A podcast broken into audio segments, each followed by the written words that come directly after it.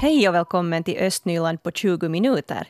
I dagens podcast får vi bland annat höra mer om Grännäs som har fått ett eftis och det här glädjer ju föräldrarna. Vi har tidigare här i våra sändningar pratat om att föräldrarna som bor där mot eh, Seitlax, Fagersta, Vålax och Grännäshållet har varit besvikna på det här att man inte haft ett eget eftis. Men från och med det här läsåret så har man ett eftis där i samband med Grännäs skola. Så nu är det många som är väldigt glada över det här.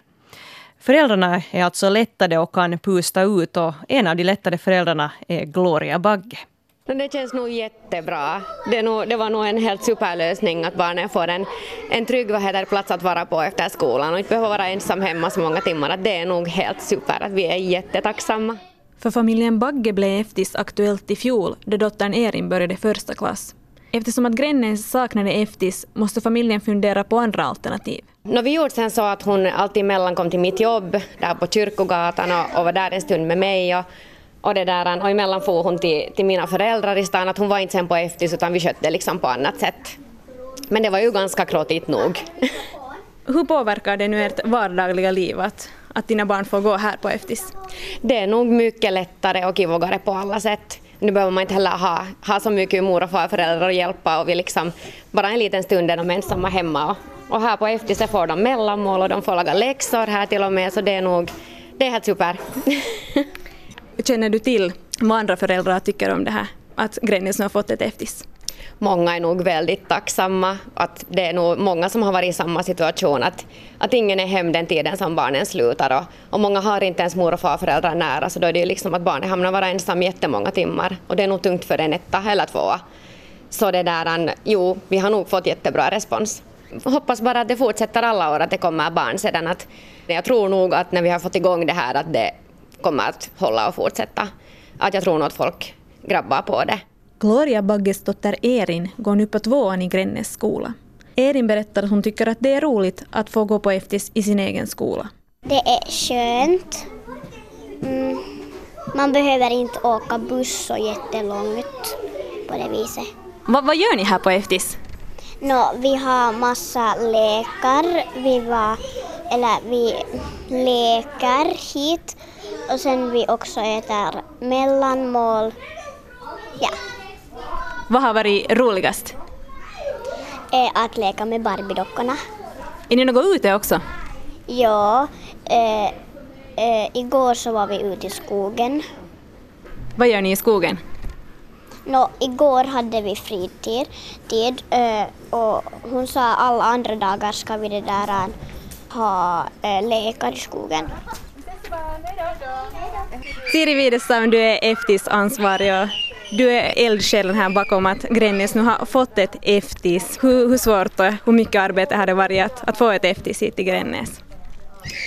Uh, no, det har varit en lång process som började redan innan jag tog, tog tag i det här. Att eh, uh, Kribba här så han har hållit på i 15 år men problemet har varit det att det det har inte funnits tillräckligt med barn så att säga för att få, få stöd av staden och, och, nu är det första året egentligen som vi har haft tillräckligt med barn och, och i vintras så gav Gloria här en armbåge och sa att nej men hej att nu fixar vi det här och så började jag ta reda på och jobba med, med att få ett och nu har det varit mycket men att nu är det här och jätteglad.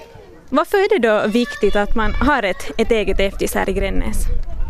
No, jag tycker att när, när vi har fått uh, hålla kvar Grännäs skola här så, så tycker man att servicen ska på något vis gå fullt ut och, och Visst har det varit jobbigt men att nu när det har kommit igång och det rullar på så vet man att det finns möjligheten för barnen att, att gå till ett eftis efter skolan. Och för att föräldrarna just ska få känna sig trygga. De behöver inte fundera att sitter de flera timmar nu ensamma hemma och var är de och kanske inte få tag på dem på telefonen så det är helt enkelt en trygghetsfråga. Eftisbarnen är nu här ute på, på gården här på vid Grännäs skola och här vid gungan så står Dennis Nyblom. På vilken klass går du? Ettan. Så du har börjat skolan helt just. Hur känns det? Bra. Och nu har du också fått börja på, på Eftis. Hur är det att vara på Eftis? Ganska roligt. Va, vad gör ni på Eftis? Vi har olika dagar som vi är på olika ställen. Ibland så kan vi vara i skogen och ibland så kan vi vara här i gympasalen. Nu, vad har ni gjort idag då? Vi har varit i vårt vanliga klassrum. Vi har fått laga hammapärlor och måla och leka. Och vad är det roligaste med att gå på EFTIS? Att man får ha fri lek. Och det konstaterar här Dennis Nyblom som går där i Eftis i Grännäs. Och han är ett av tolv barn som är där i Eftis nu det här läsåret. Och det var Rebecka Svedberg som var reporter här. Och vi har också en webbartikel på svenska.yle.fi östnyland där man kan läsa mer om Grännäs Eftise.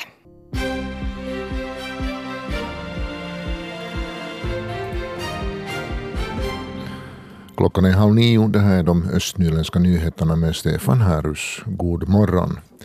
Det är inte ännu bestämt hur eller om vattenskadan vid Svenska församlingshemmet i Borgå ska åtgärdas. Ett varmvattenrör sprang läck i somras och byggnaden har sedan dess varit utan varmvatten. En del av verksamheten har därför utlokaliserats. Fastighets och gravgårdsdirektionen ska ta ställning till problemet vid sitt möte idag. Och mera vattenrelaterade nyheter från Borgo. Vattnet i Kärkko, Tukkila, Ollila och Uusi Heikkilä i Borgo kan igen användas som normalt. Borgå stads hälsoskyddsmyndighet upphävde igår klockan 13 uppmaningen att koka dricksvattnet efter att alla prov har uppfyllt kvalitetskraven för hushållsvatten. Hälsomyndigheterna har tagit vattenprov från olika delar av vattenledningsnätet på området och kommer ännu att fortsätta. Bokuppmaningen gavs den 25 juli efter att avloppsvatten kommit in i vattenledningen på grund av en felinstallerad avloppsanslutning.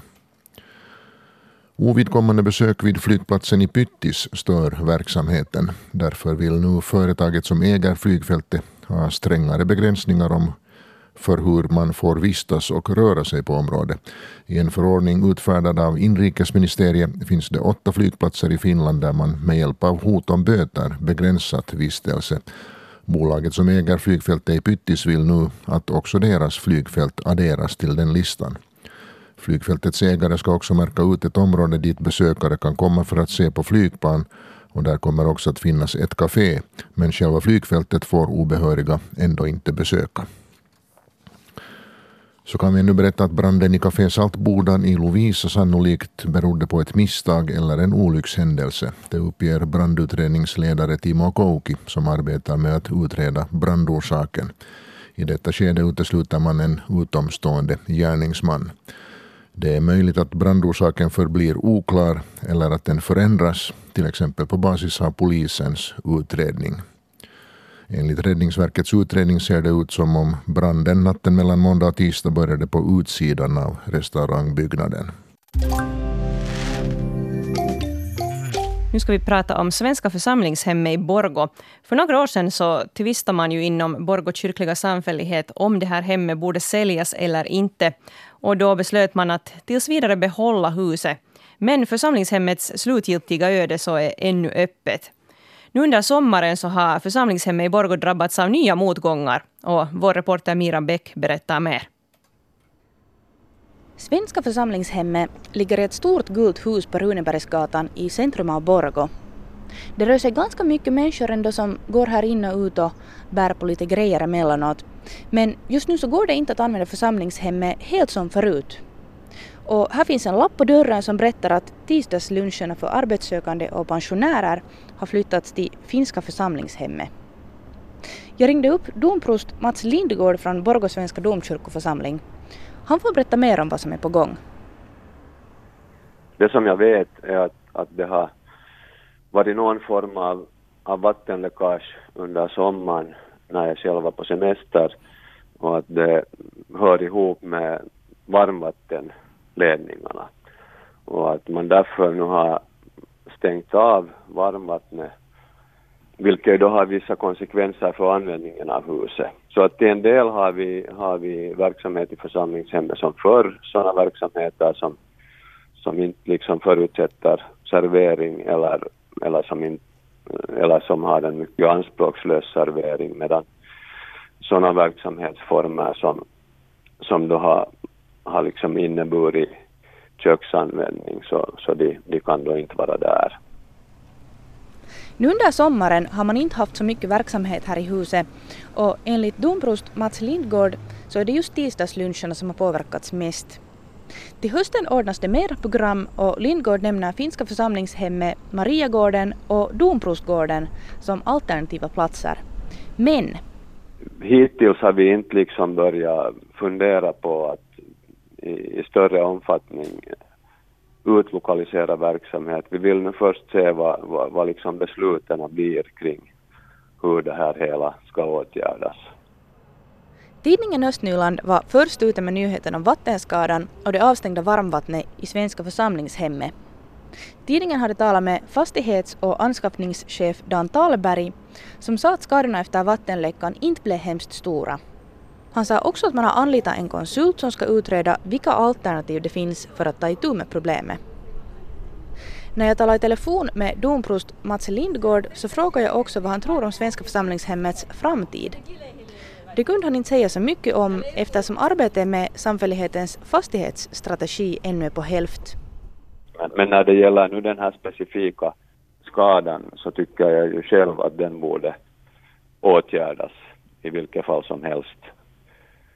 Helt oavsett hur, hur församlingshemmets användning i framtiden ser ut så tycker jag att, att det hör till grundläggande för, för alla fastigheter att, att rören är i skick. Så, så när det gäller nu det här så tycker jag ju att det borde fixas och repareras. Och det konstaterar här domprost Mats Lindgård vid Borgå svenska domkyrkoförsamling. Fastighets och gravgårdsdirektionen ska behandla den här situationen på sitt möte idag. Och efter det här så kommer vi förhoppningsvis att få veta mer om hur man tänker åtgärda problemet. Idag har vi pratat om Svenska församlingshemmet i Borg, och Vi har också en webbartikel här på svenska.yle.fi östnyland som berättar då om den här vattenskadan som finns där i församlingshemmet. Det är alltså då det här stora gula huset på Runebergsgatan som det handlar om. Och man har varit nu utan varmvatten där på grund av en vattenläcka som skedde under sommaren. Och det här har då delvis påverkat den verksamhet som normalt eh, är där i huset, så att man har fått flytta en del verksamhet till andra ställen. I synnerhet då sådana grejer som har krävt lite större serveringar till exempel, eftersom man nu inte har kunnat diska där då i huset eller så här. Och nu ska man då fundera på framtiden förstås så småningom för hela församlingshemmet. Det här hänger ihop med fastighetsstrategin som man funderar på nu inom den kyrkliga samfälligheten. Och vi har Markus Henriksson här nu i studion. Han är vice ordförande i Borgå kyrkliga samfällighets fastighets och gravgårdsdirektion som ska ha möte idag och diskutera då den här vattenskadan. Och han är också medlem i Svenska församlingens församlingsråd. Välkommen hit Markus. God morgon. Tack, tack. God morgon. Vi hörde här i ett inslag tidigare i morse domprost Mats Lindgård och han sa att han tycker att den här vattenskadan nu borde åtgärdas oberoende av vad man sen gör med det här församlingshemmet framöver. Hur ser du på det här? Jag tycker det är alldeles klart att, att om man har en fastighet så måste man ju hålla den i skick också. Och det är ju i princip oberoende av uh, om man tänker använda den där fastigheten själv 30 år framåt eller om man tänker göra någonting annat med den eh, oberoende så måste ju sådana här grundläggande saker som vattenrör vara i skick. Mm. Då tycker du att har det gått för långsamt det här nu då? Jag menar det hände ju här nu i somras och ingenting är gjort fortfarande.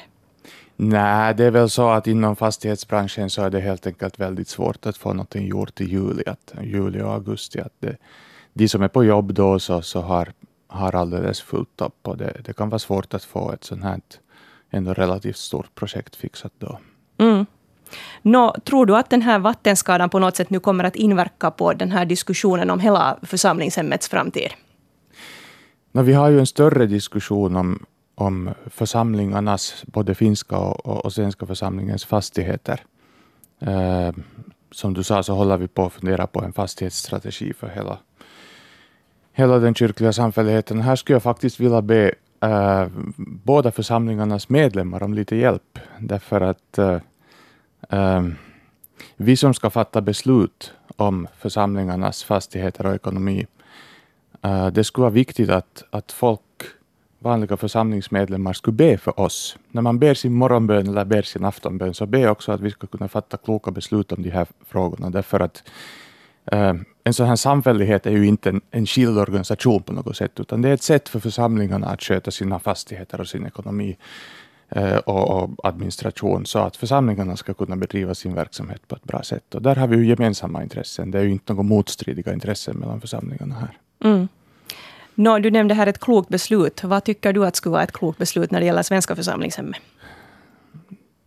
Det, i, I det här skedet, nu när vi har den här akuta situationen med de här vattenrören som, som är trasiga, så måste de ju fixas. Och det, det, så skulle det vara oberoende vilken uh, fastighet det skulle vara frågan om. Så skulle det vara också om det skulle vara finska församlingshem eller vilken annan fastighet som helst. När man har en byggnad så måste man hålla den i skick, oberoende om man i framtiden ska sälja den eller använda den själv eller vad man ska göra.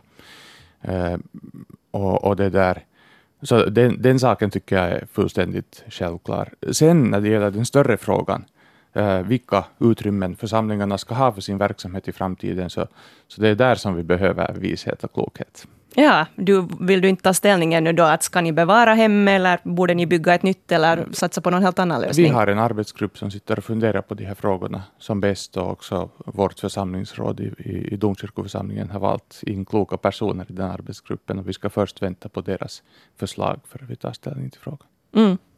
Nå, det har ju diskuterats den här frågan tidigare och den väcker alltid ganska stora känslor. Vad tror du att det är som gör att det är en känslig fråga för många det här? Det är klart att det är starka känslor kopplade till, till ett församlingshem som har varit i församlingens bruk i många tiotals år och i flera generationer. Och folk har starka minnen därifrån från olika, olika sammanhang. Och, och, och så här, och väldigt många församlingsmedlemmar är också känslomässigt väldigt starkt förbundna till församlingen och dess verksamhet överhuvudtaget. Och det är ju precis som det ska vara förstås. Uh, men ändå behöver vi kunna fatta gemensamma beslut om sådana här frågor uh, på ett positivt sätt och i ett positivt samarbete. Och det är där som vi behöver, som jag sa, förbön av församlingsborna också. Mm. Och slutligen här, Markus Henriksson, tror du att det här kan bli nu en strid mellan svenska och finska sidans intressen i den här frågan? Jag tror inte att det behöver bli det. Jag tror att om vi kan se det som att det här är praktiska frågor som vi ska lösa tillsammans för att båda församlingarna ska kunna ha så bra förutsättningar som möjligt för sin verksamhet. Så då, då kan vi nog uh, lösa de här frågorna också uh, på ett positivt sätt tillsammans. Det är ju bara byggnader, och fastigheter och pengar som det handlar om. Det är ju världsliga ting. Precis. Vi får se hur det går. Tack ja. för att du kom idag, Marcus Henriksson. I Pyttis där har man ju den här flygplatsen som man har satsat mycket på. Verksamheten börjar komma igång där. Eh, det var ju så att eh, klagomålen om Pyttis flygplats miljötillstånd föll i förvaltningsdomstolen i juli. Så det ska börja hända och ske saker där vid Pyttis flygplats. Och redan nu så har flygplatsen lockat en del besökare som kanske inte har rört sig alltid på bästa möjliga ställen, Mira.